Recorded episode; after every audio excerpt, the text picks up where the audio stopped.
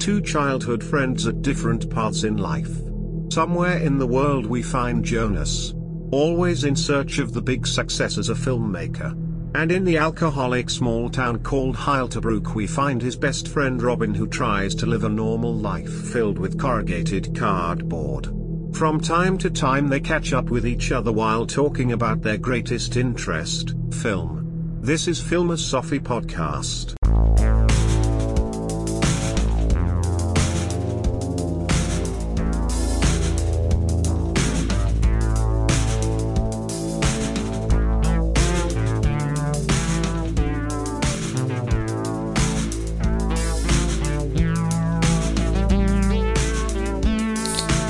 Okej, Jonas.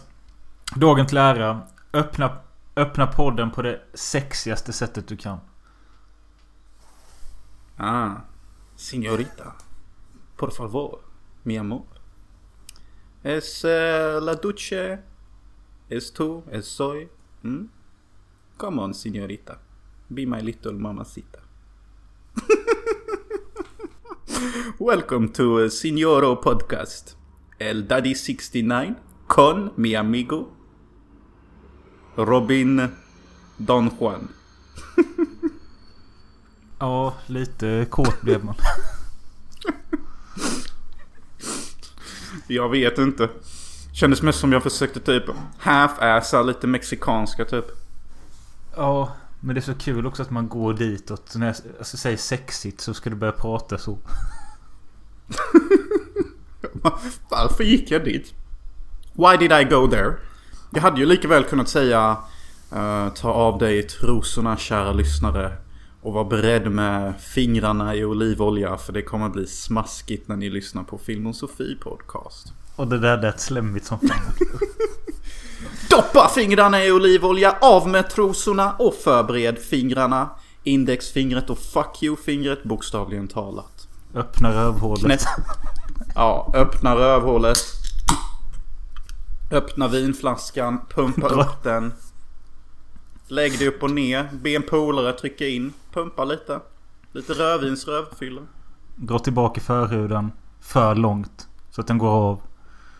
I think you went a bit too far with that one. Yes. Eh, men ja, det är en helt vanlig podd. Vi, vi tappar kvinnliga lyssnare. Uh, ursäkta vår, vår vulgaritet. Kära damer. Men vi blev inte älskade som små. Säger vi. Ja, jag vet inte. Det, vi är väl fortfarande unga och pubertala töntpojkar som gillar snuskiga ord. Young, dumb and full of cum. Ja, men okej. vi får inte fastna för mycket i detta. Eh, det är en torsdag och vi sitter här. Eh, Jonas i Malta, jag i Hylte. Jag dricker lite kaffe. Jonas sitter där med en bira eller vad är det för något? Ja, jag ärar ju mitt eh, surrogatland Malta genom att dricka deras stolthet Sisk. Som är en jävligt god eh, mellanöl. 4,5 eller kanske 4,8. Man skulle Ah, kunna jag tro att du är sponsrad. Alltså det är ju det som är min mål. Det är därför jag alltid sponsrar Sisk varje, varje gång jag får chans till den. Skulle du inte nu på, ska jag- skulle, skulle du inte på riktigt kunna... Sverige skulle ju aldrig funka sånt. Typ bli sponsrad av öl känns det som. Eller det Mm. kanske funkar ju. Men eh, om du skriver till Sisk och säger att du har en podd. Eh, där eh, du dricker deras öl och pratar gott om det i varje avsnitt. För den finns ju faktiskt att köpa i Sverige också. Den fanns i alla fall innan på systemet. Så det kanske kan öka försäljningen här. Ja men alltså det var ju jättebra det du sa för att plan, alltså planen är att jag ska bli deras sponsor. Det är därför jag low key övar varje chans jag får. Och du kan ju ljuga med. Säg att vi heter Alex och Sigge. Så kan de kolla upp det. Så bara, fan de har ju 500 000 lyssnare. Ja, jag undrar hur länge den plojen håller. Om vi har så många lyssnare och jag nämner Sisk i varje avsnitt då bör de ju i alla fall få en ökning på i alla fall 0,5%. Och Ja. eh, det kommer inte dröja lång tid innan de märker att inte det är sant typ. Men Nej. det är skitbra det du sa. Det, det är värt att prova för som jag sagt innan. eh, Jag vill ju att Sisk ska sponsra den långfilm jag håller på med. Det är ju lite av en ny följetong i podden här. A Day of the Women har jag sagt den ska heta men jag har bytt namn till, på filmen nu. Den ska heta Feline Fever istället. Vad tycker du Robin? Nej. Du gillar inte? Day of the Nej. Women bättre eller? Ja. Mm. Fan du är ju smartare än mig när det kommer till sånt här. Alltså Ja. det andra lät... Jag vet inte. Vad sa du? Fi, Är det för komplicerat fi, eller? Feline? Feline. Det betyder typ på mer eller mindre ett sätt att man är en kattmänniska typ. Ja, nej jag gillar, jag gillar inte det. Okej, då stryker vi det. Vi är tillbaka på Day of the Women igen. Fuck you Feline Fever. Robin har talat. När han säger att en titel suger, då suger den. Day of the Fever. Day of the Fever. Ja men det låter ju som en uppföljare till typ Cabin Fever eller något. Ja, hur ser statusen ut på filmen? Staten ser ut som så att eh, alltså hela manuset är 98% färdigt. Det är bara en, eh, en spell correction som gäller. Eh, och sen Men så ska jag det, bygga det, ihop... det är fortfarande samma film som innan hette Bite the Bullet. Exakt, exakt. Exakt. Det är det. Men jag tycker att Day of the Women gör att filmen får lite mer klass. Och den kommer ifrån den här B-stämpeln som den har om den heter Bite the Bullet. Alltså man förväntar sig typ att Van Damme och Steven Seagal ska dyka upp och kicka ner några typ. Ja. Det känns redan som att det finns en film som heter det med dem typ. Exakt, exakt det är det jag menar. Men eh, statusen på filmen är bra. Jag har givit mig själv en månad till att ha en färdig shotlist. En färdig budget breakdown. En färdig eh, kalender på ett ungefär hur lång tid det ska ta att filma. En färdig visionsbok och en färdig shotlist. Så det är ungefär sex saker jag ska ha. Eh, så vad jag försöker göra här är att jag bygger ihop en playing manual. En instruktionsmanual. Så att även om jag hade dött. Så hade folk bara kunnat öppna upp den här instruktionsmanualen och förstått hur hela filmen skulle se ut. Vart varje musiktrack ska ligga och alltihop. Uh, detta är så att jag ska hur lätt som helst kunna övertala vem som helst att investera. Och få folk till att fatta att så här ser filmen ut i mitt huvud. För om jag går in i ett kontor och börjar prata om aliens och exploderande huvuden och med tjejer som hånglar och skjuter. Då tror de att jag är en CP-kåt idiot som bara vill göra en jävla porrfilm typ. Mm. Så jag måste bevisa för de här investerarna att jag är en normal kille. Bara det att mina idéer låter lite excentriska. No shit. Så Nej, men jag- jag liksom, det är det som är statusen. Ja. Och nu med alla AI-tools som finns där ute. Då är det inte jättesvårt att sätta ihop en shotlist eller producera concept art. Det hade nog varit väldigt bra för dig om du hade lyckats få någon form av kvinna som typ medhjälpare eller producent eller något sånt. Så att det inte blir det här gubben som vill göra snusk. Det är jättebra att du säger det Robin. Ehm, och jag har redan tänkt på det. Det är därför jag blandat in eh, Stina, min kollega från USA rätt mycket. Hon ska typ vara medproducent i detta projekt. Och sen så har jag också tänkt att DPn, alltså Digital Principal Photography eller vad det är. Hon ska vara kvinna, så min kameraman kommer alltid vara kvinna typ. Och hela produ- produktionsbolaget ska vara kvinnor typ. Så det är bara typ jag som kommer vara man i produktionen. Eh, så att jag ska slippa sånt här jävla, åh vilken gubbsnuskidiot, bara massa män som gör en porrfilm typ. Ja. Nej men nice. Eh, vi får, du får uppdatera oss när du har ett nytt steg att eh, informera om. Ja, och jag tänkte så här eh, mot slutet av månaden. Och då tänkte jag att ni som blir patrons då, ni kan ju få tillgång till att se allt concept art och sånt. Som en liten förpik typ. Det kan ju vara sjukt häftigt typ. Eh, och sådana saker. Men som sagt, jag uppdaterar er när, eh, när projektet växer. Eh, just det. Vi är ju inne i maj nu. Eh, och jag tror det är den 7 juni. Alltså om en månad. Jag tror det är då. Då fyller eh, Filmsofi Podcast år igen. Eh, vi fyller... Eh, vad fan blir det? 17, 18, 19, 20, 21, 22, 23. Vi fyller sju år. Eh, det är inget eh, spännande nummer så i sig. Men eh, vi kan ändå liksom... Borde göra någonting eftersom vi har hållit ihop i sju år. Och ni har varit med oss. Vad tycker ni vi ska göra som en sjuårsspecial? Vi har ju haft en del specialare genom åren. Klassiken är ju... Jag tror det var när vi fyllde när vi- fyra, fyra år. Tror jag. Ja. När, när vi däckar typ en timme in i programmet. Och liven fortsätter typ i två timmar trots att vi båda har däckat sittandes på bordet. Alltså tänk, tänk om det hade varit sponsrat på riktigt av typ riktiga sponsorer, typ SVT-budget eller typ. Och, och detta är vad det hade, hade... det hade sänts på SVT på natten där. Alltså vi bara, vi ska verkligen ha en hel show, hel dag. Vi har frågor, vi har gäster, vi har allting. Vi bara maxar fullt ös medvetslös 90 minuter in. Däcka i min egna jävla rakskål. Det kommer in en random gäst som sätter sig där. Liven rullar, båda har däckat. Han sitter i mitten jämte oss och bara ja, det här är Filmosofi Podcast. Men eh, Fan. jag, jag, jag tror ju inte att du har möjlighet att komma hit eh, inom en månad. Eh, så vi kan nog inte göra någonting Nej.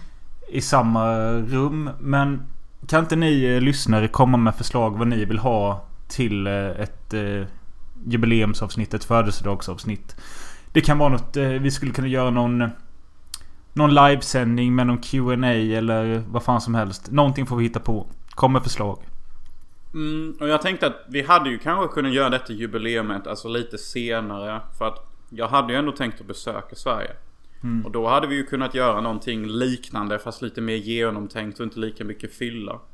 Ja. Och med lite Q&A. Vi hade kanske kunnat vara någon annanstans. Kanske i slutet av augusti någon gång. Så Kanske jag vill vara upp- i samma...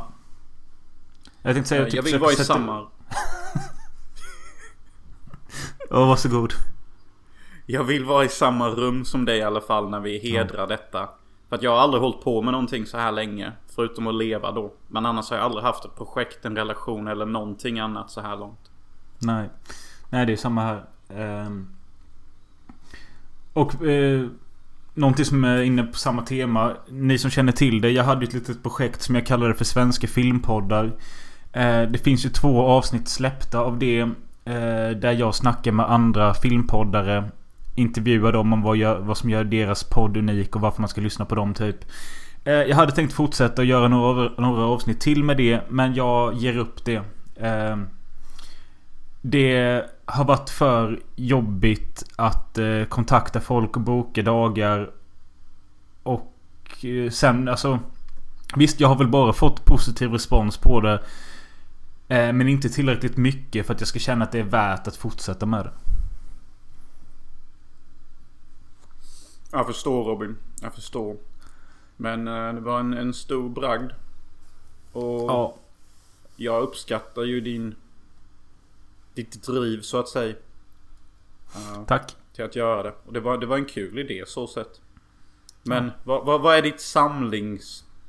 Vad tar du ut från hela upplevelsen? Vad, vad är någonting som är gemensamt mellan alla dessa filmpoddare? Vad är, vad är den gyllene tråden bland oss? Ja, intressant. Uh, hmm. Typ att vi alla, vi alla hade inga vänner som barn utan vi satt bara och kollade på film typ. Alltså något sånt. Eller har du märkt något annat som är typiskt?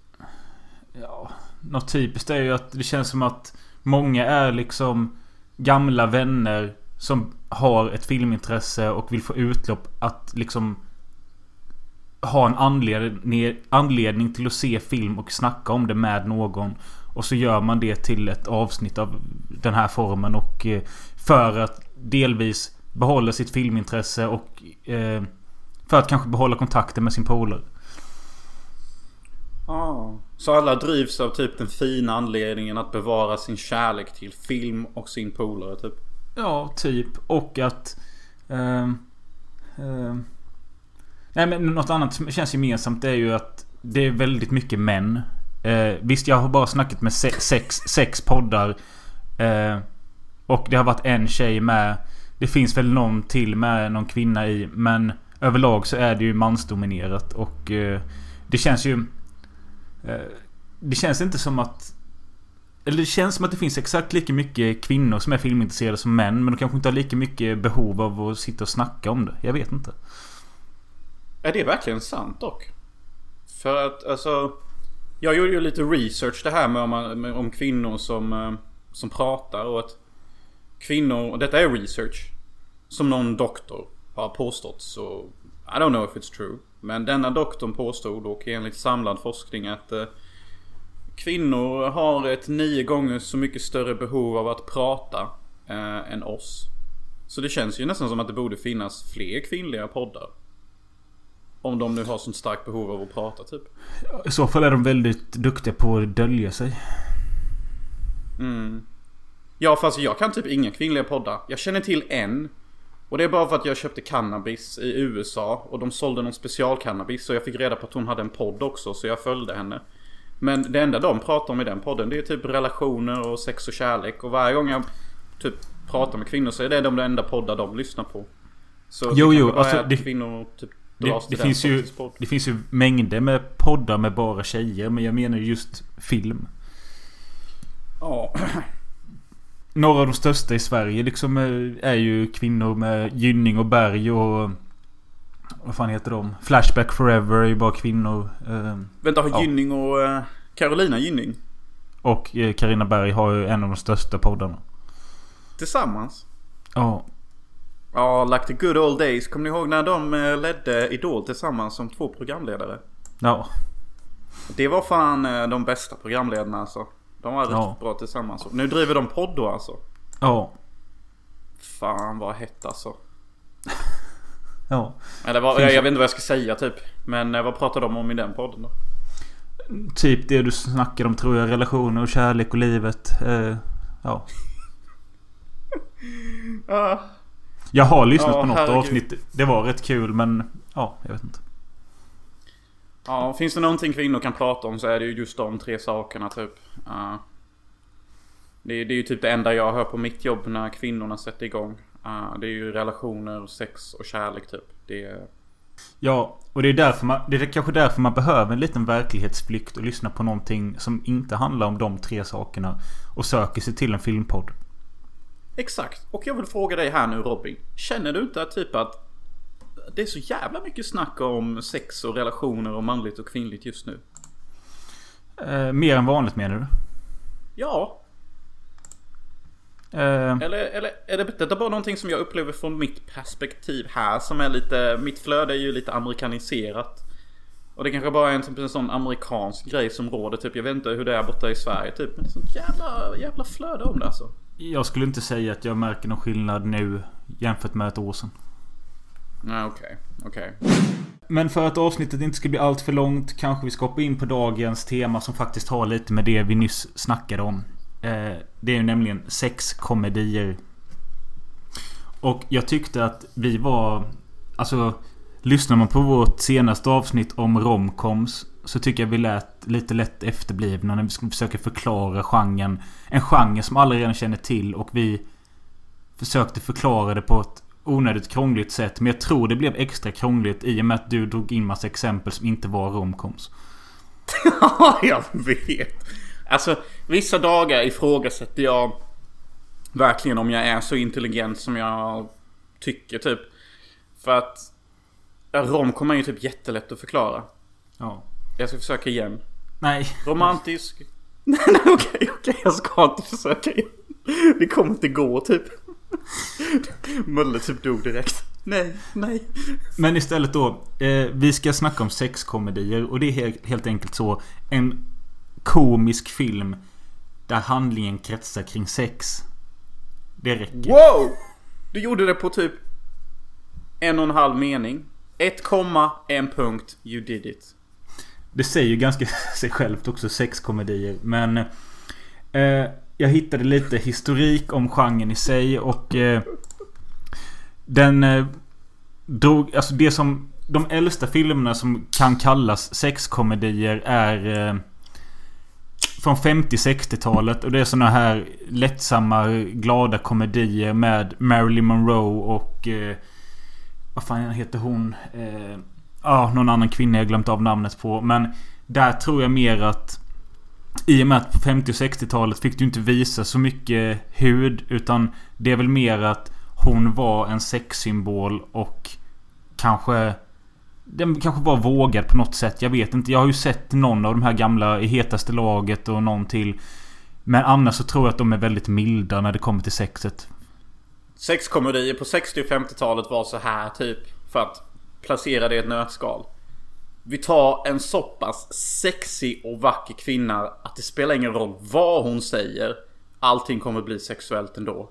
Skriv ett komiskt manus till det och helt plötsligt har vi en sexkomedi. Bara för att vår huvudskådespelerska är så jävla erotisk naturligt. Ja, uh, Marilyn alltså, Monroe de, exempelvis. de kunde ju liksom sälja en film på att Marilyn Monroe är med och hennes kjol kanske blåser upp lite. Exakt. Och det var ganska lätt att vara typ edgy back in the day. Typ. Det var räckt att visa knäskålan. Jag menar vad fan, det finns ju för fan en scen i en eh, sån här eh, noir-film. Där en tjej vill... Shit old man här. Där en tjej vill knia sig, klia sig själv på knäskålan och... Eh, uh, Humphrey Gobart, Humphrey Gobart, Humphrey Bogart ser det och bara... you may uh, scratch your kneecap, missus. Och så gör hon det och så bara oh sexy typ. Så, ja. ja men eh, alltså, det är ju samma veva och i samma genre. Alltså Hitchcocks North by Northwest. Det här klassiska att de kysser varandra eller något och sen så ska det... Vi förstå att de knullar genom att ett, en tåg åker in i en tunnel. Mm. Och det är liksom det på är den nivån det var. Så här. Ja. Det är briljant liksom. Men sen så, alltså saken den är typ att... Nej, ah. Jag vet inte hur jag ska säga detta. Jag vet inte ens om det är rätt tillfälle att säga det. Men alltså de på 50-60-talet, de hade ändå en bra poäng att vill man göra något sexigt. Det är väldigt enkelt.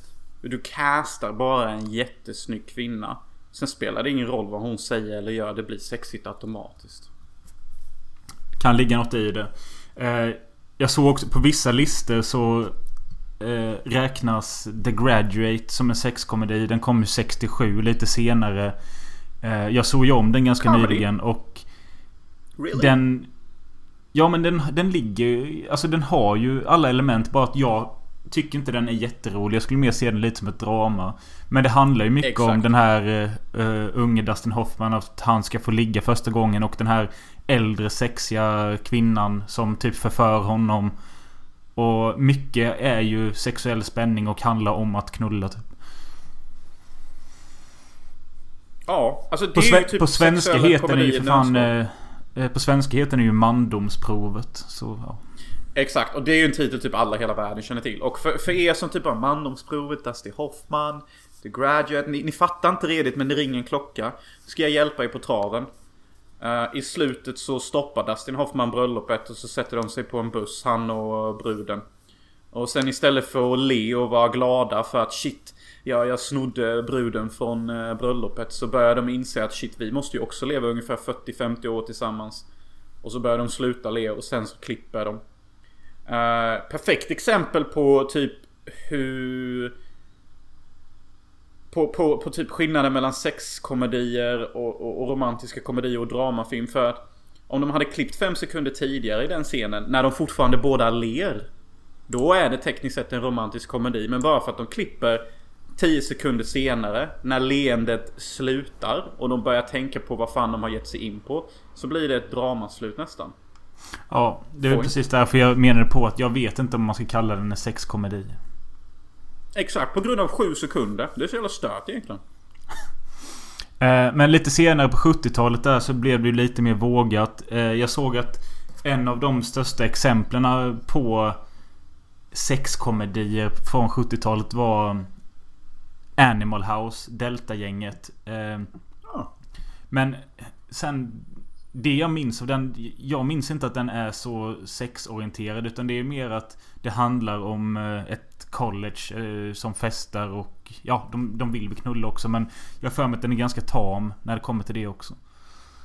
Ja, och den gyllene tråden eller den silvriga tråden eller röda tråden eller vad fan det heter. Som ni märker är att alla sexkomedier har nästan exakt samma handling typ. Ja. Det handlar om, om typ dudes som är lite off the grid. Eller typ lite, vad fan, som ett modernt språk, eh, lite incel av sig. Och de vill ligga. Typ. Och det är typ handlingen och typ uh, American Pie. Samma handling. Delta-gänget som du nyss beskrev, samma handling. Uh, ja. De här 50 och 60-talskomedierna, det är samma handling. De försöker få en vacker tjej. Sexkomedier är som så att det handlar om incel dudes som vill få uh, poo-tang. Och på 80-talet på 80-talet då efter Delta-gänget och allt det här så äh, blev ju ett startskott 1980 med Porkys. En film jag aldrig sett men äh, vad jag fattat det som så Det var där det liksom började att bli mer naket. Alltså bröst och rumpor i bild. Eh, och inga liksom skämskuddar över att det här handlar bara om att knulla. Eh, och den följdes av, jag skrev ner en jävla massa titlar här för att allting lät likadant. Bara lyssna på detta som kom under 80-talet. Spring Break. Fraternity Vacation. Screwballs. Hot Dog the Movie. Sapped. Hot Moves. Party Camp. Summer Job. Body Waves. Hot Chili. Hot Resort. Private Resort. Last Resort. Casual Sex. Blame It On Rio. Revenge of the Nerds. Fast Times Ja. at Ridgemont High. The Last American Virgin. De tre sista där är ju kända ju. Ja. Det är de ju. Ja, Revenge of the Nerds vet jag att vi såg för många år sedan och jag vet att den... Revenge of the Nerds, Revenge of the Nerds, Revenge of the Nerds. Jag kan fortfarande sången. Revenge of the Nerds. Men den, eh, den tror jag... Jag läste någon eh, kommentar om den nu att den är väl väldigt tveksam idag. För det finns väl tydligen någon scen där några killar typ verkligen våldtar en tjej och det liksom är high five efteråt. I do miss the good old days. Ska jag Ehm, säga ibland. Men den sista vi nämnde där har vi ju snackat om. Den återkommer vi ofta till här i podden. The Last American Virgin.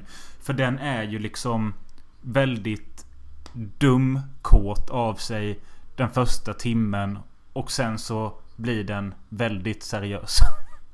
Men den är så här typ realistiskt dumkåt.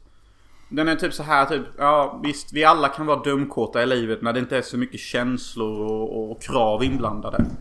Och jag tycker Last American Virgin gör ett perfekt exempel på att när, där dumkåtheten slutar och riktiga känslor tar över. Då är det det här resultatet det blir. Därför är ju Last Amer- American Virgin typ den bästa fucking sexkomedin. Ja, den är faktiskt riktigt bra. Eh, av alla de andra titlarna jag läste upp så har jag typ inte sett någon. Ja, förutom Revenge of the Nerds. Fast Times at Ridgemont High. Men eh, sen då efter detta så gled vi in på 90, 90 och 2000-talet och då blev det ju då självklart American Pie. Eh, och de följdes ju av de här Road Trip, Eurotrip, The Girl Next Door. Eh, sen så kom ju de här Judd Apatow-filmerna. Knocked Up, 40 Year Old Virgin, eh, Zack and Miri Make a Porno. Eh, Superbad. Ja, den typ av film. Och där är det ju lite... De är ju lite snällare om man ska säga. Det är inte så mycket naket väl? Alltså de är ju typ så här sexkomedier möter romantisk komedi. Det är ju nästan som att typ, det är som att blanda två genrer som egentligen är rätt lika redan typ. Ja. För att det som gör Miri Make a Porno och, och ja, vi kan bara ta den som exempel. Det är att den är en sexkomedi straight and through. Det som gör att det blir en romantisk comedy. Det är relationen. Liksom den här, det, det söta mellan Seth Rogen eller vad? ja och Elizabeth Och Banks. me, Elizabeth Banks. I would bang her. Man måste säga det. Man måste säga det. Det är, det är guy code. Ja. Och sen då de senaste åren så har vi fått filmer som Sex Tape. Jag tror jag har sett den. Eh, kan blanda ihop det med Bad Teacher. Eh, det är väl också något sånt. Och vi var inne på förra gången med Friends with Benefits. Är väl lite åt det hållet. Don John Ja. med Scarlett Johansson. Fast det här är mer så här sex dramedy. Kommer du ihåg den här Flower vi såg med Zoe Dutch? Där hon typ åker runt och suger av killar för att råna dem. Nej. Nej. Varför har jag glömt bort den filmen? Det känns ju helt stört. En bra från 2013 som jag har sett. Jag vet inte om du har sett den. The To- The To-Do-list med Aubrey Plaza. Det kanske jag har sett. Det är också Aubrey- väldigt enkel, enkel handling liksom att hon ska... Hon ska bli av med oskulden men innan dess så ska hon bocka av andra sexuella saker. Jo, det där känner jag igen. Och det där tror jag jag har sett faktiskt. Så, Skulle du så- säga ja, något så- om Aubrey? Nej, bara typ att hon är min själsfrände typ. Uh, jag vet inte vad jag menar med det redigt. Men hon är ju flummig och söt precis som jag typ. Um, men så, så som ni fattar nu så det här med sexual comedy. Så att nu när Mölle här då, min co-host. Räknar upp massa filmer att wow. Man har ju antagligen sett mer sexkomedi än vad man tror. Uh, bara det att man kanske inte typ har tänkt på det redigt. Um, Nej. att- Men alltså liksom till exempel American Pie och sånt. Det är ju det vi i vanliga fall skulle, jag skulle kalla typ college eller high school filmer. Ja, men det är ju sex comedies. Och American Pie är ju vad Porky's var för våra boomerföräldrar. Ja. Porky's är deras American Pie och American Pie är våran American Pie. Jag vet inte vad Gen Z kommer ha, vad deras American Pie är. Om de ens har någonting. Det är ju typ Euphoria. För det är liksom inget kul längre. Nej, Gen Z är ju typ så här helt humorbefriade. Um, ursäkta att jag säger det. Men alltså de fick ingen underbar barndom som vi fick. Där allting var hippt och fresh och... Alltså... Det var så många filmer och avsnitt förr när vi var barn som pratade så väl om framtiden som gjorde oss så taggade på framtiden. Det har inte generation Z nu. Deras program är typ Euphoria där typ bara Suck my fucking tits while I do coke off you you bitch. Let me drink some fucking voodoo juice while we do LSD and I fuck you from behind while the kitty watch. Alltså det är så jävla typ av va? va? Vad är romantiken typ? Alltså kom Nej. igen. Nej precis. Och jag, jag tänkte jag skulle komma till det lite senare också när vi pratar om en av filmerna. Men jag funderade också lite om det har gjorts några sådana här sexkomedier i Norden. Och jag kom på fyra exempel. Och det är Svenska Singo skulle jag säga plats, platsar in där. Ja. Det är ju alltså den Björn Kjellman och Helena Sandberg åker iväg till en stuga för att spela in en porrfilm. Singo. Den bruna filmen. Alltså den är så god. Uh, vi borde göra en live commentary. 15 öl var typ. Gå igenom filmen step by step. Breakdown. Ultimate breakdown scene by scene. Men det var ju den jag blev så ledsen för för ett tag sedan. För jag har den i hyllan. Men så skulle jag se den för något år sedan. Öppnade fodralet och det var ju skivan där i knäckt. Åh, har vi typ tappat den på fyllan, trampat på den och bara oj då. In i hyllan igen. inte. I Norge så tycker jag att man kan slänga in den väldigt sköna konstiga komedin Fatso. Ja! Jätte fantastiskt exempel på en modern sexkomedi. Kanske till och med The best. den ultimata. Ja men typ. typ jag, alltså när du bara sa det. Jag bara. Det var som att en tjej satte sig på mig typ. Jag bara fick en epiphany. Och typ bara wow. Det är typ the real deal. Alltså Ja, nej, Fatso är the real deal. Ja, den är riktigt bra. Det kom även en annan norsk film som jag inte tyckte var särskilt bra. Men den platsar in och nämna och det är Ligg med mig. Eh, handlar om en norsk tjej som vill ligga. I have an idea. Ligg med mig. Vad ska den handla om? Någon som vill ligga. Oh! En miljon tack. Och i Danmark så kom jag på eh, Clown, eller Clown. Klon ja. Helvete. Alltså vårt samhälle är ju ett sexualiserat Robin. Ja, men alltså, det? då tåls det att tilläggas. Jag har inte sett serien. Jag har bara sett den första filmen. Men det är ju väldigt mycket. Allting handlar om att knulla där med. Och det är väldigt mycket sexanspelningar. ja. Alltså Clown, eller Clown då. Eh, översatt från danska till svenska. Det är ju en fantastisk tv-serie. eh, som, som handlar om två skådespelare. Och det är en mockumentärstil på det ungefär. Och de har gjort tre filmer. Och alla tre filmer är typ three solid sex comedies. Alltså, och det är tyckte- på dansk humor. Jag tyckte ju första var skitbra. Första är skitbra. Första är hur kul som helst. Alltså det, det, det finns en scen där, där våra huvudpersoner pratar om att Nej men om du verkligen vill bevisa för din fru att du älskar henne Så ska du göra halsbandet på henne. Och då Ja, frågar han det. "Ja, vad fan är halsbandet? Nej men det är när hon ligger och sover. Så ska du gå fram och runka. Och så ska du lägga din sats på hennes hals som ett pärlhalsband. Och det bevisar att du älskar henne och hon måste sova. Och vår huvudperson är ju en clown. Han är ju dum. Det är ju därför serien heter det. Så han bara Ja okej då, jag, jag ska väl prova det typ. Det, det maker ju sens i mitt lilla huvud typ. Så han provar ju det hemma. Bara det att han gör det samma kväll som hans jävla svärmor är på besök. Och hon har ju, sover ju i hans frus rum. Så han lägger sädesvätskan på henne istället. Jag för mig till och med att han, han, han råkar ju spruta henne lite i ögat. Så hon går ju med ögonlapp sen. Hon går i ögonlapp sen resten av filmen. Och det är så jävla kul när han går in där och runkar. Och det är den här mockumentärkamerastilen. Och han bara... "Ah! Och så bara hör man hans svärmor bara ah! Ah! Ah! Och han bara oskuld, oskuld, oskuld. Som då betyder förlåt på danska. Eh, men jag kommer tänka på det nu med att eh, Våran lyssnare och eh, återkommande gäst Joakim for Show Han har ju en förkärlek till gladporr Vilket man skulle Mm. säga också är sexkomedier Och det gjordes Mm, mm. en drös sådana i Danmark och några i Mm. Sverige med tror jag eh, Men det är väl lite mer buskis och knull liksom Ja, det är lite mer så här typ noll handling bara. Jag är en gris. Jag ska knulla. Handhållen kamera. Nej alltså Jonas Jag tror det har lite mer handling än så Nej men vad fan. Kan ju knappast vara mer handling än det. Jag vet inte Sen har vi ju mörka sexkomedier. Om vi, ändå, om vi ändå ska täcka alla genrer så kan vi lika väl gå in på detta också. Och då har vi ju typ filmer som Den syndige dvärgen. Vi kan ju nästan ta bort komedi där och bara kalla det typ sex horror kanske. Ja, verkligen. Eh, där vi har liksom en synd... Ja, titeln säger ju sig själv. Det är en dvärg. Han är syndig. Han våldtar och, och förgiftar kvinnor i en lägenhet i Danmark. Det är så jävla... Jag, Yeah! måste, jag måste se den.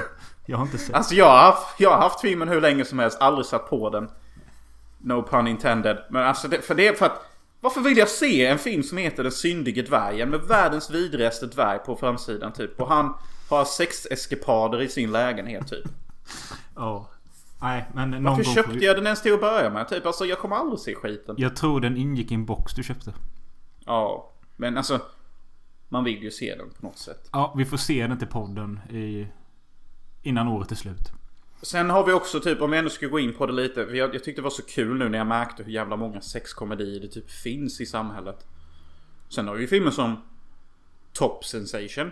Eh, en gammal italiensk klassiker där vi har liksom världens vackraste italienska kvinna som har oralsex med ett får eller en get menar jag. Ja, Ja. och, och tomat och äpplen spelar någon roll. Get, får, what the fucking difference typ. Ett får eller en get slickar henne mellan benen och hon gillar det. Okej. That's 69 for you. Alltså 1969 i mänskligheten. Ja, men också att de Ja. å- åker på en sån lyxbåt och... Eh, har med sig en eh, utvecklingsstörd son som de ska bota genom att han ska få ligga med kvinnor. Ja, och... och det, det är inte så här typ att det ska vara typ så här typ ett, ett mysigt samspel. Utan de ska hitta en kvinna. Och vilken kvinna de än hittar ska de tvinga honom att ha sex med. Och de ska tvinga henne att gå med på det. Och det är så jävla konstig handling när man säger det högt. Ja, alltså det låter ju mörkt men det är ju gjort som en ljus komedi där allting är jättevackert och fint. Och där jätte typ behandlas som Ja inte fan vet jag sexuella män man möter i en bar. Typ bara oh här kommer en get. Jag ska sära mina ben för honom. Och typ samma redigering som en jävla spansk eh, sexcomedy från 80-talet. Alltså, ja det är så konstigt. Och sen så har vi den här jävla filmen eh, The Laughing Woman. Som är helt fantastisk. Och den är ju mer så här intellektuell sexcomedy. Men är Som handlar mycket om- verkligen? Nej. Nu är vi Det är där igen. här- Jonas, nu är vi där igen. Ja nu är, nu är vi här igen typ. Vänta, vart är vi någonstans? Nej, Att du börjar dra in saker. Bara, ja, Syndige dvärgen. Fast ta bort comedy, lägg till horror. Är, Ja. Ändra hela genren och det är typ samma genre. Nej men, Men- alltså det är så sjukt nu när du räknar upp alla dessa titlar att Finns det någon film som typ inte är sexkomedi? nej, men sluta Jonas. Terminator 2. Det är så sjukt. Bro, vi är så synkade. Jag tänkte precis nämna Terminator 2. Bro. Bro, vad betyder detta? Jag vet inte att det finns... Jag, jag kan dra många exempel Jonas. Goldeneye. Okej. Okej, det var inte den jag tänkte på. Mannen jag ska på tänka på en annan film. Nej men vänta, vänta, chilla. Jag ska tänka på en annan film. Du, du, vi är synkade. Du sa Terminator 2. Jag tänkte på samma film. Okej, jag tänker på en annan film. Okej, The Dark Knight. Nästan. Jag tänkte på Aliens. Vilket är ungefär en exakt lika bra uppföljare som The Dark Knight. Ja, Så, detta, är- detta, är dåligt, poäng. detta är dåligt poddinnehåll. Okej, so, sorry lyssnare. Du ska tänka på en titel som inte är en sexkomedi. Och så ska du gissa det.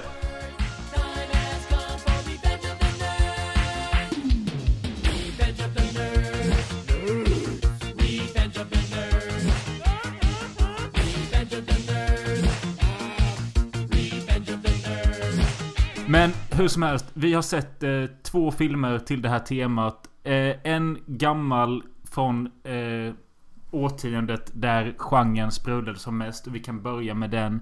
Den heter Hard Bodies och är från 1984. Columbia Pictures proudly presents a minor motion picture event. A film with absolutely no redeeming social value whatsoever. A film that has won not five, not three, but absolutely no Academy Award nominations. A film that luminaries like Bergman, Fellini, Spielberg, and Lucas had absolutely nothing to do with. A film that every critic in America has unanimously hailed as a motion picture. This is Hard Bodies. The film that will teach you important new words like hard bodies, means perfect little foxes down on the beach. BBD, It's a bigger and better deal. and wuss. They got hard buddies. Do do do. Hard buddies. Ooh ooh ooh. I pop that beer and I look at hard buddies on the beach of Venice Beach. Med den, den, just den låten börjar filmen. Deras theme som kommer ett par gånger i filmen. Och den öppnar ju med lättklädda eh, kvinnor på en strand. Hela filmen utspelar sig på typ... Det känns som att det är Florida eller något vid någon jävla beach. Jag vet faktiskt vad det är för att eh, det, det ibland är de på Manhattan Beach och ibland är de på Venice Beach. Och det är två av de största stränderna i Los Angeles. Jag känner igen miljöerna för att eh, jag bokstavligen talat har vandrat och gått runt där. Eh, så bara lite så precise info. Ja, men bara för det så vill jag googla och kolla om du har rätt. Gör det, det får du jättegärna göra. Jag vet att öppningsscenen är Manhattan Beach och sen så vet jag att majoriteten av filmen utspelar sig på Venice Beach. Gud, säg att jag har rätt annars får jag sitta här och skämmas live alltså.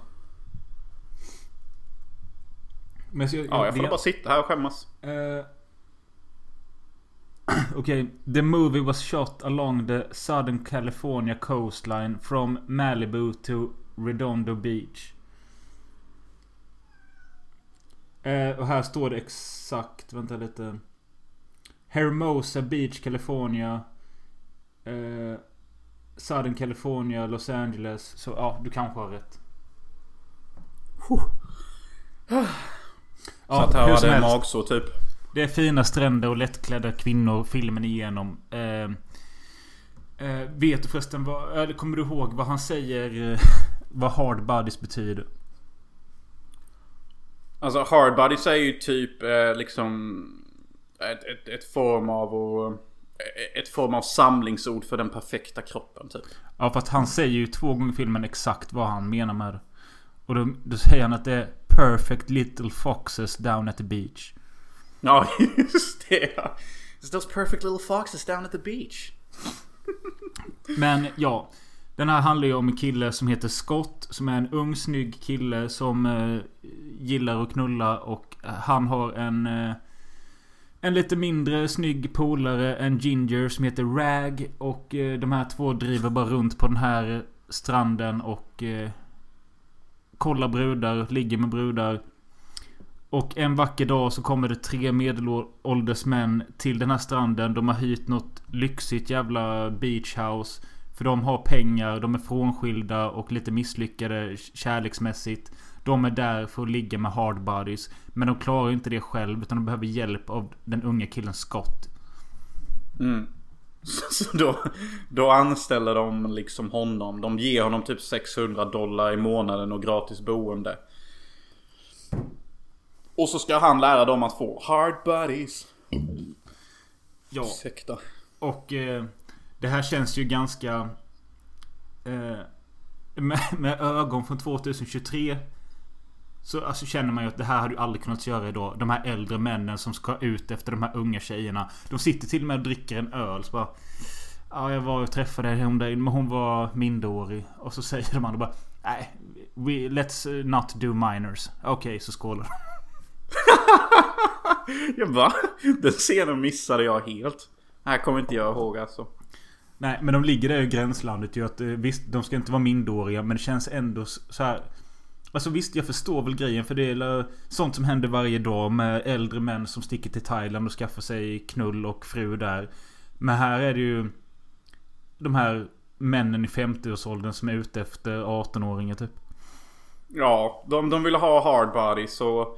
Ja, jag tyckte det var lite skevt att du sa att denna filmen liksom är lite omodern. Jag tyckte denna filmen var jävligt modern typ. Och Men jag välskriven.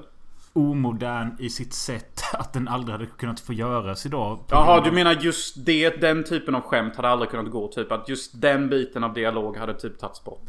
Inte dialogen utan saken i sig att 15-åriga män 50-åriga män anlitar en yngre kille för att få ligga med unga tjejer. Plus att liksom vi har mängder av 20-åriga tjejer som är nakna med de här gubbarna. Ja, jo, det är ju det är mycket sånt typ. Det är ju inte, Ja. det är inte olagligt på något sätt men det, bara, det, det känns ju lite Jag vet inte Skumt Ah. Tycker du inte det? Ja, vet du vad jag tänkte när jag såg filmen? Jag tänkte att denna filmen är fucking modern typ. Det finns vissa dialoger i filmen som känns så jävla mogna. Och typ viss redigeringsstil som är så jävla typ, aha, det här är typ nästan 10 år före sin tid. Jag tänker speciellt när de åker genom Los Angeles. Och det är speed up footage. Och de, om de dricker champagne på, i limousintaket. Och, och det, är typ så här, alltså, det är jump cuts och sånt. Det känns så här jävligt modernt och typ så här 90-tal. Och denna filmen är från 80-talet typ. Och det finns någon scen när eh, en av de här eh, äldre männen, vår ungdom, lär upp. Där han nästan våldtar en kvinna. Och sen så går den här yngre mannen och snackar med den här yngre kvinnan. Och det samtalet de har, det känns så jävla inte 80-tal. Det känns så jävla typ... Vad är detta för mogen konversation vi får ta del av? Där hon berättar om att ja, men jag beter mig som en hora och klär mig som en hora för att jag vill att män ska tycka om mig och ligga med mig. Egentligen vill jag bara attrahera en, en vacker och snäll man. Och då säger den här unge mannen Ja men om du vill göra det då får du typ sluta klä dig som en hora och sluta bete dig som en hora. För du har egentligen en fin själ på insidan och det är bäst du visar den för män. Istället för dina tuttar och din röv. Och jag bara satt där och tänkte vad i helvete är det här för välskriven skit? De här människorna beter sig så för fan som människor. Och detta är en sexkomedi jag tittar på. Ja Jo visst de, Den har väl några sådana grejer Men jag tycker ändå det det hamnar, det hamnar i bakgrunden av allt andra. Ja, ja, ja lite grann. Spe speciellt de här äldre männen som inte kan ligga. Typ, de, de är så konstiga. Typ. Vi, vi har typ, inte fan vet jag, ett fetto, en Patrick Bateman typ och så någon jävla Texas fucking Ranger typ. Ja, men det, jag, jag, jag, skrev, jag skrev upp namnen men jag vet inte vilka som är vilka. För det är Rounder, Hunter och Ashby. Ashby är han eh, den skäggige jäveln. Han som ser ut att typ vara 60. Ja, det är han som jag kallar det Texas Ranger. Så vi har liksom, vi har vår Patrick Bateman wannabe. Som klär sig som typ en cowboy. Sen har vi typ vårt fetto som påminner om datatekniken eh, från Jurassic Park 1. Jag tycker han... På, Ah, ja, ah, ah. jo. Ja, han påminner han. Men inte det är Newman? Nej. Jo, Newman från Seinfeld. Och sen så har vi då tredje, vår Texas Ranger. Som ser ut som han precis kom från en Texas barbecue och ska gå och brännmärka sina kor på morgonen. Och det de här tre behöver hjälp med att ligga. Och jag, jag förstår varför de behöver hjälp typ. För de ser Det- inte ut som chic magnets. Det kan man också ge filmen att det, jag skulle säga att den är välcastad. För man köper de här tre männen. Ja, det gör man. Och man köper den yngre att han får brudar och är skön liksom. Jag älskar också hur han säger typ bara You guys are doing this all wrong. You gotta dialogue the chicks. You gotta dialogue them. Och de bara dialogue them? Yeah, you know, you gotta talk them up. You gotta be charming. You just gotta say some shit and hope for the best. Så typ det är inte mycket som har förändrats sedan 80-talet. Det är fortfarande samma stil som män ska få brudar på. Snacka upp dem. Visa självsäkerhet. Strö på lite. Var lite eh, excentrisk och boom, du har chicks typ. Det är Ja. samma budskap från vilket årtionde som helst typ.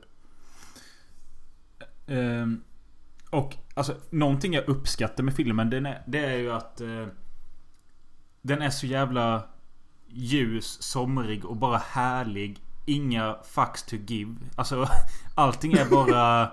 Alltså visst du beskrev nyss någon eh, våldtäktsgrej eh, som var nära att hända men överlag Utöver det Så är allting bara en good fucking time utan några problem i världen typ.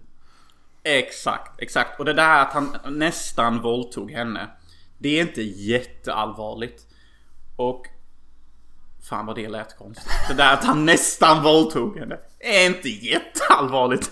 Men Hade ni sett filmen, ni fattar. Det är ju inte typ så att han våldtar, våldtar henne. Han är bara lite för, lite för på typ.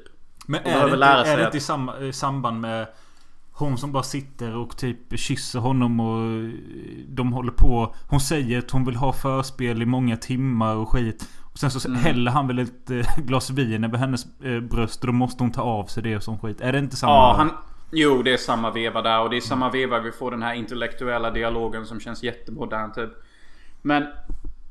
Okej, alltså visst det är inte fair det han gör och han är lite av ett svin. Men det, som du säger, det är ju ingen, det inget stort problem. Eh, Nej. Men, men alltså filmen blir förvånansvärt engagerande. Alltså, jag kommer ihåg att jag, jag var på väg att stänga av filmen och sen bara helt plötsligt bara Fan vad engagerad jag blev. Så jag vet inte vad det var med filmen, jag bara blev så jävla engagerad i handlingen. Ja men det är ju lite så här att de första 10, 12, 15 minuterna så är det ju liksom bara den här unga sköna killen Scott. Men sen efter en kvart då kommer ju de här gubbarna in och det är då man fattar att jaha, det är de här som ska vara i fokus. Och sen så tycker jag att när de väl ska börja bli upplärda på ragga och få brudar då tar filmen en extra fart och det är då den blir rolig. Ehm, Men eh, ja, jag vet inte. Det är... Det är mycket... Nästan varenda tjej är ju i bikini och om de inte är det så har de ingen bikini alls.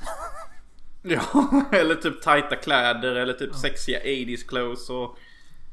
Men det är som du säger, det är en jävligt ljus och skön film eh, som har vissa seriösa element som funkar riktigt bra. Och för att vara en sexkomedi från 80-talet så är detta jävligt bra alltså. Det absolut roligaste i filmen enligt mig. Kan du gissa vad det är? Ja. Ge mig en liten ledtråd. Eh, nej, skitsamma. Men det, det är ett montage i filmen. Eller tidigt i filmen så går den här eh, skäggige jävla gamla gubben eh, på stranden och snackar med en tjej. Och hon svarar honom I don't fuck fossils for free. Att han är en fossil och hon kommer inte knulla honom gratis. Ja, just det. Och sen så senare i filmen så kommer det ett montage. Där han får knulla med henne och eh, de, man får se vad de andra männen håller på med. Och sen så tar han upp en gitarr och börjar sjunga låten I don't fuck fossils for free. Det var ju skitkul. Jag tror, jag tror jag missade det lite tyvärr. Eller, ja, fan synd att jag missade det eller glömde bort det. Alltså, jag, Alltså han har jag har ju lite en, Alzheimers. han har skrivit en låt om vad hon sa till honom. Och det är I don't fuck fossils for free.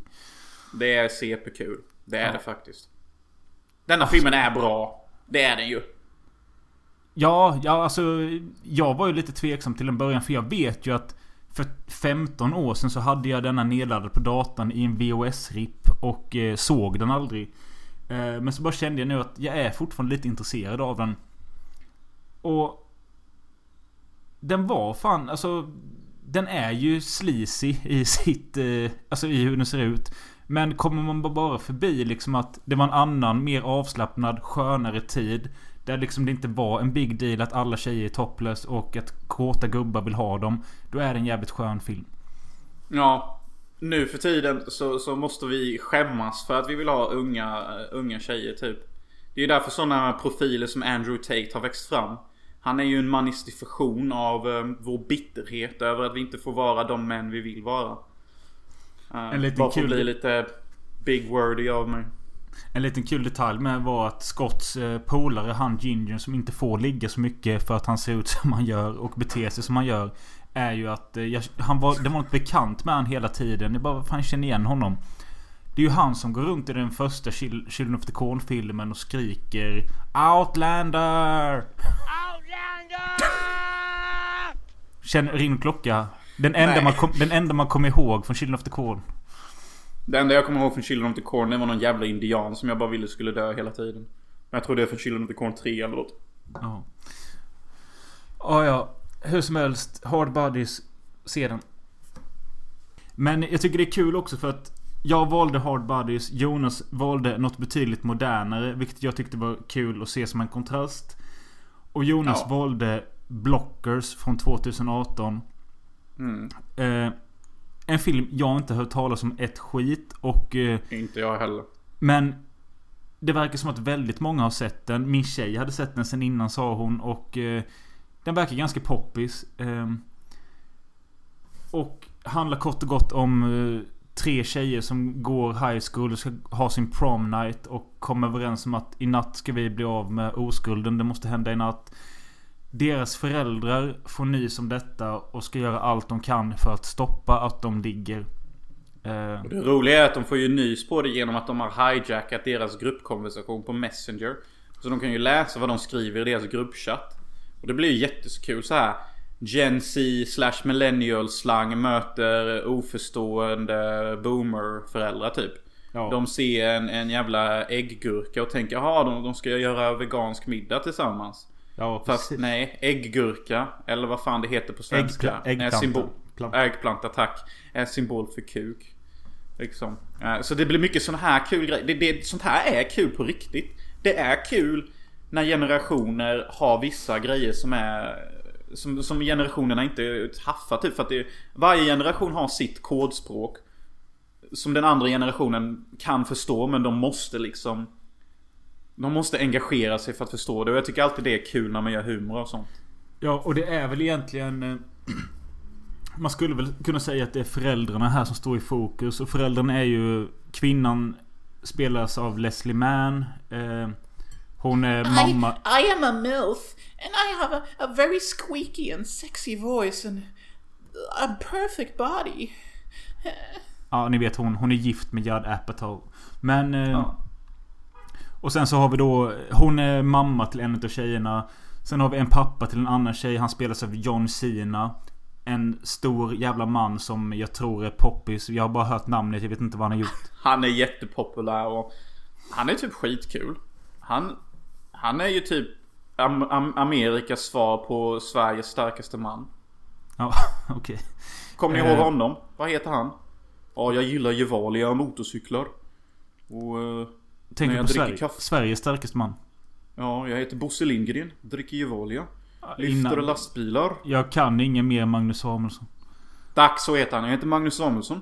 Han kan Jag fortfarande dricker inte vara Gevalia. det. Och lyfter bilar. Men... Eh, och sen då eh, finns det en tredje förälder till den tredje tjejen och... Eh, vet inte vad skådisen heter men han är någon komisk eh, skådis och... Eh, hans karaktär är ju inte... Han är väl det mest slashasen till pappa. Han liksom har inte vuxit upp riktigt. Han bara super och festar och har inte haft så bra kontakt med sin dotter.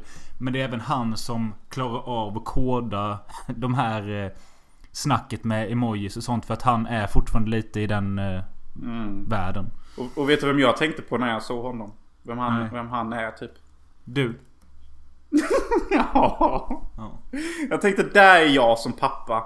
Kommer full till festen typ. Har en skild mamma. Vill besöka min lilla latinska dotter typ bara Hello, hello Eva, how the hell are you? You want some tequila? You have your cool daddy here. Lät ja. han så? Nej men det var jag. Jaha, ja. Jag såg mig själv som honom. Eh, nej, så det är ju de här tre föräldrarna som står för drivet i filmen och det roliga. Ja. Eh, ja. Det andra är mest... Eh, man får följa de här tjejerna under kvällen och steg närmare till att ligga och festa och knarka.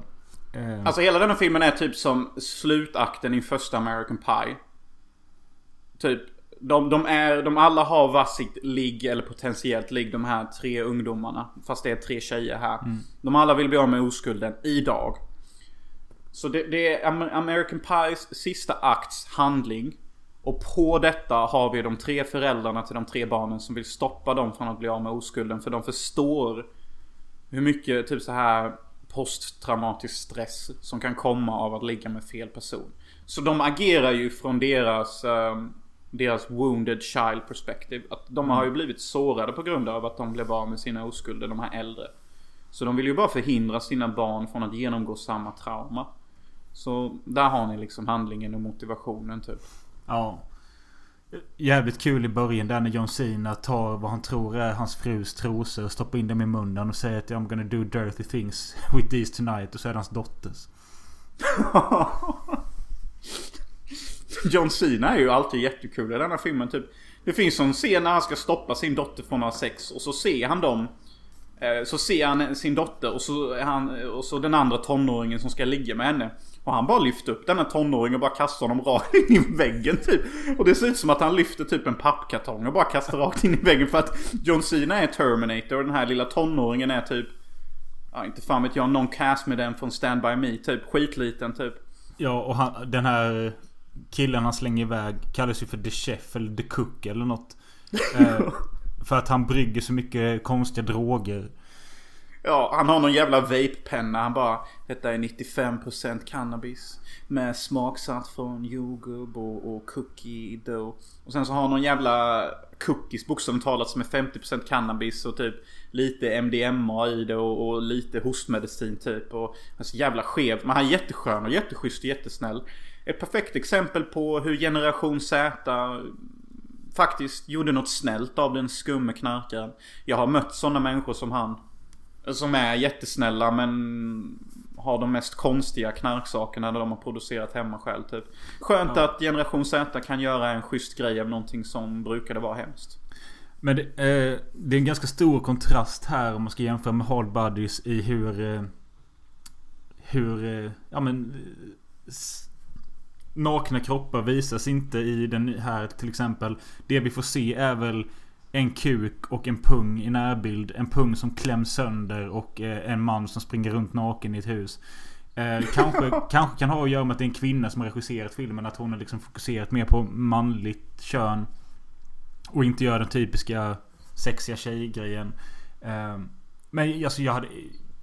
Jag, jag, det var ingenting jag reagerade på. Det, är bara, det blir en ganska stor kontrast när man ser Hard Bodies och Blockers som ska typ innehålla eller ingå i samma genre. Så är ju Blockers en, en film du nästan kan se med familjen. Du kan ju inte se Hard Bodies med mamma och pappa känner jag. Nej, jag hade lätt kunnat se Blockers med min mamma och pappa. Och haft en good fucking family time typ. För att vi får ändå, vi får ändå typ de, de snälla föräldrarna som verkligen bryr sig om sina barn och som har ett vuxet sätt att se världen på. Sen har vi ungdomarna som är snälla och ansvarsfulla också egentligen. Fast de har sitt ungdomliga moderna sätt att se världen på. Så på ett eller annat vis så är det en jättebra familjefilm typ. Om man är en öppensinnad familj. På någon nivå. Det är ju rätt kul han den här killen som... Eh, den unga tjejen som är dotter till Leslie Mann. Hon har ju en pojkvän som heter Austin. Och han har ju ett väldigt avslappnat förhållande till sina föräldrar. För de brukar tydligen skriva till honom när de knullar och sånt.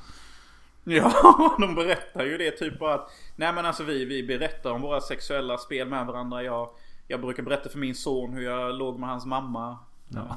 Och det var jätteskönt typ. De som har en sån familj, de vill verkligen ha en sån familj och är verkligen lyckliga i en sån familj. Jag tycker också det är lite sött eh, att följa den här eh, misslyckade pappan. Eller han som har sabbat sin relation lite. Och hur han vill försöka reparera det. Eh, och det finns ju en scen mot slutet där när de andra föräldrarna sitter och dricker i en bar. Och han är på väg därifrån. Och de bara nej. Då får han vara med och dricka med dem. Ja, och jag tycker det är jättefint för att jag kan relatera så mycket till honom. Jag känner mig också så här utanför och konstig typ och vill bara att någon ska bjuda med mig typ. Sen kan jag Så tycka jag att förstår honom. Eh, det finns väl vissa scener som Kanske vissa tycker är skitkul Men jag känner att det blir kanske lite överdrivet i filmens universum Typ som det här då när de ska hälla i öl i John Sinas röv och sånt Alltså det blir lite för mycket Jag tänkte precis ta upp det som jag tyckte att det var en rolig scen. Typ att de ska ha en chug competition. För att de här föräldrarna måste komma in i något hus och då säger ungdomarna som har festen typ inga vuxna. Du måste klara testet typ. Så hittar de på någon ploj att vi, vi chuggar inte genom munnen längre. Vi är Gen Z, vi tar det i asset. Och när jag såg filmen första gången tänkte jag shit Gen Z har verkligen spårat. Sen så förstår jag ju senare att de bara lurar honom. Och de fejkar att eh, de tar det i röven men tvingar John Cena att ta det på röven på riktigt. Men Sen alltså, behö- ja. Sen Ja. behöver inte allt som du ser på film vara i- som i verkligheten heller Nej men vad fan. Jag jobbar bara med generation Z-barn. Alla jag jobbar med förutom typ Chaggar i två röven. stycken. Nej men alltså de är CP. Deras relation till knark är som att det vore typ vatten typ. Och jag bara, "Jaha, ska du ha den inställningen till knark så kan jag lova dig att du inte kommer överleva 35. Ja, precis Eh, Men ja, eh, båda filmerna skulle jag säga är sevärda Eh, Båda är typ skitbra. Ja, men alltså båda är typ skitbra. Alltså jag, jag, jag säger det rakt ut. De är typ jättebra. Ja, ja, ja visst. Jag, jag tycker det. Jag tror anledningen till att jag inte har hört talas om just Blockers innan. Det är för att titeln har jag lyckats glömma fem gånger sen du nämnde den första gången. Eh, när du skrev för en vecka sedan att jag vill se denna. Okej. Och så har jag tänkt, vad fan hette den? Breakers? Bonkers? Men det är ju spin på, på termen cockblocker. Ja, jag vet det. Men eh, du måste ju nästan tänka på det och veta det för att du ska komma ihåg titeln. Mm. Och sen så ska ju titeln uttalas som Blockers! Blockers! Du ska uttala det som en höna. Blockers! Vad fan då? Då blir det ju cockblocker! Så blockers! Cockblocker! Fattar du? Det står, ja det står en jävla tupp. Blockers! Cockblocker! Fattar du? Det står ju en tupp eller höna ovanpå texten och det Exakt. är ju för att det är en kock. Mhm. Men att man ska uttala det så, vet du fan. Så det är ju därför, det är därför titeln är bra. Fattar du nu? Ja. Eh, Cockblocker! Jag cockblocker! uh, eh, nej, men eh, vad kul med lite sexkomedi. Eh, finns säkert fler eh, roliga titlar att se. Men jag känner att vi behöver se något annat nu. Jag hade lätt kunnat göra en sex comedies part 2. Speciellt nu när vi nästan insåg att varenda film som någonsin gjorts är typ en sexkomedi. Ja, Typ. Men eh, jag känner att vi väntar lite till med det. Men jag tycker också att eh, vi har ju ett... Eh, vi har röstat fram ett lyssnarnas valavsnitt. Men jag säger att vi skrotar det. Eh, för, Fuck nej, men för, lyssnarna. nej men... eh, För, jo, alltså ni får jättegärna komma med förslag på vad vi ska prata om. Så snickrar vi ihop det till ett lyssnarnas valavsnitt senare. Men för att vi ska kunna börja se film och förbereda inför nästa avsnitt nu. Så det är bättre att vi lottar fram ett avsnitt nu. Ja. Istället för att lotta så kan du få säga en siffra mellan 1 och 70.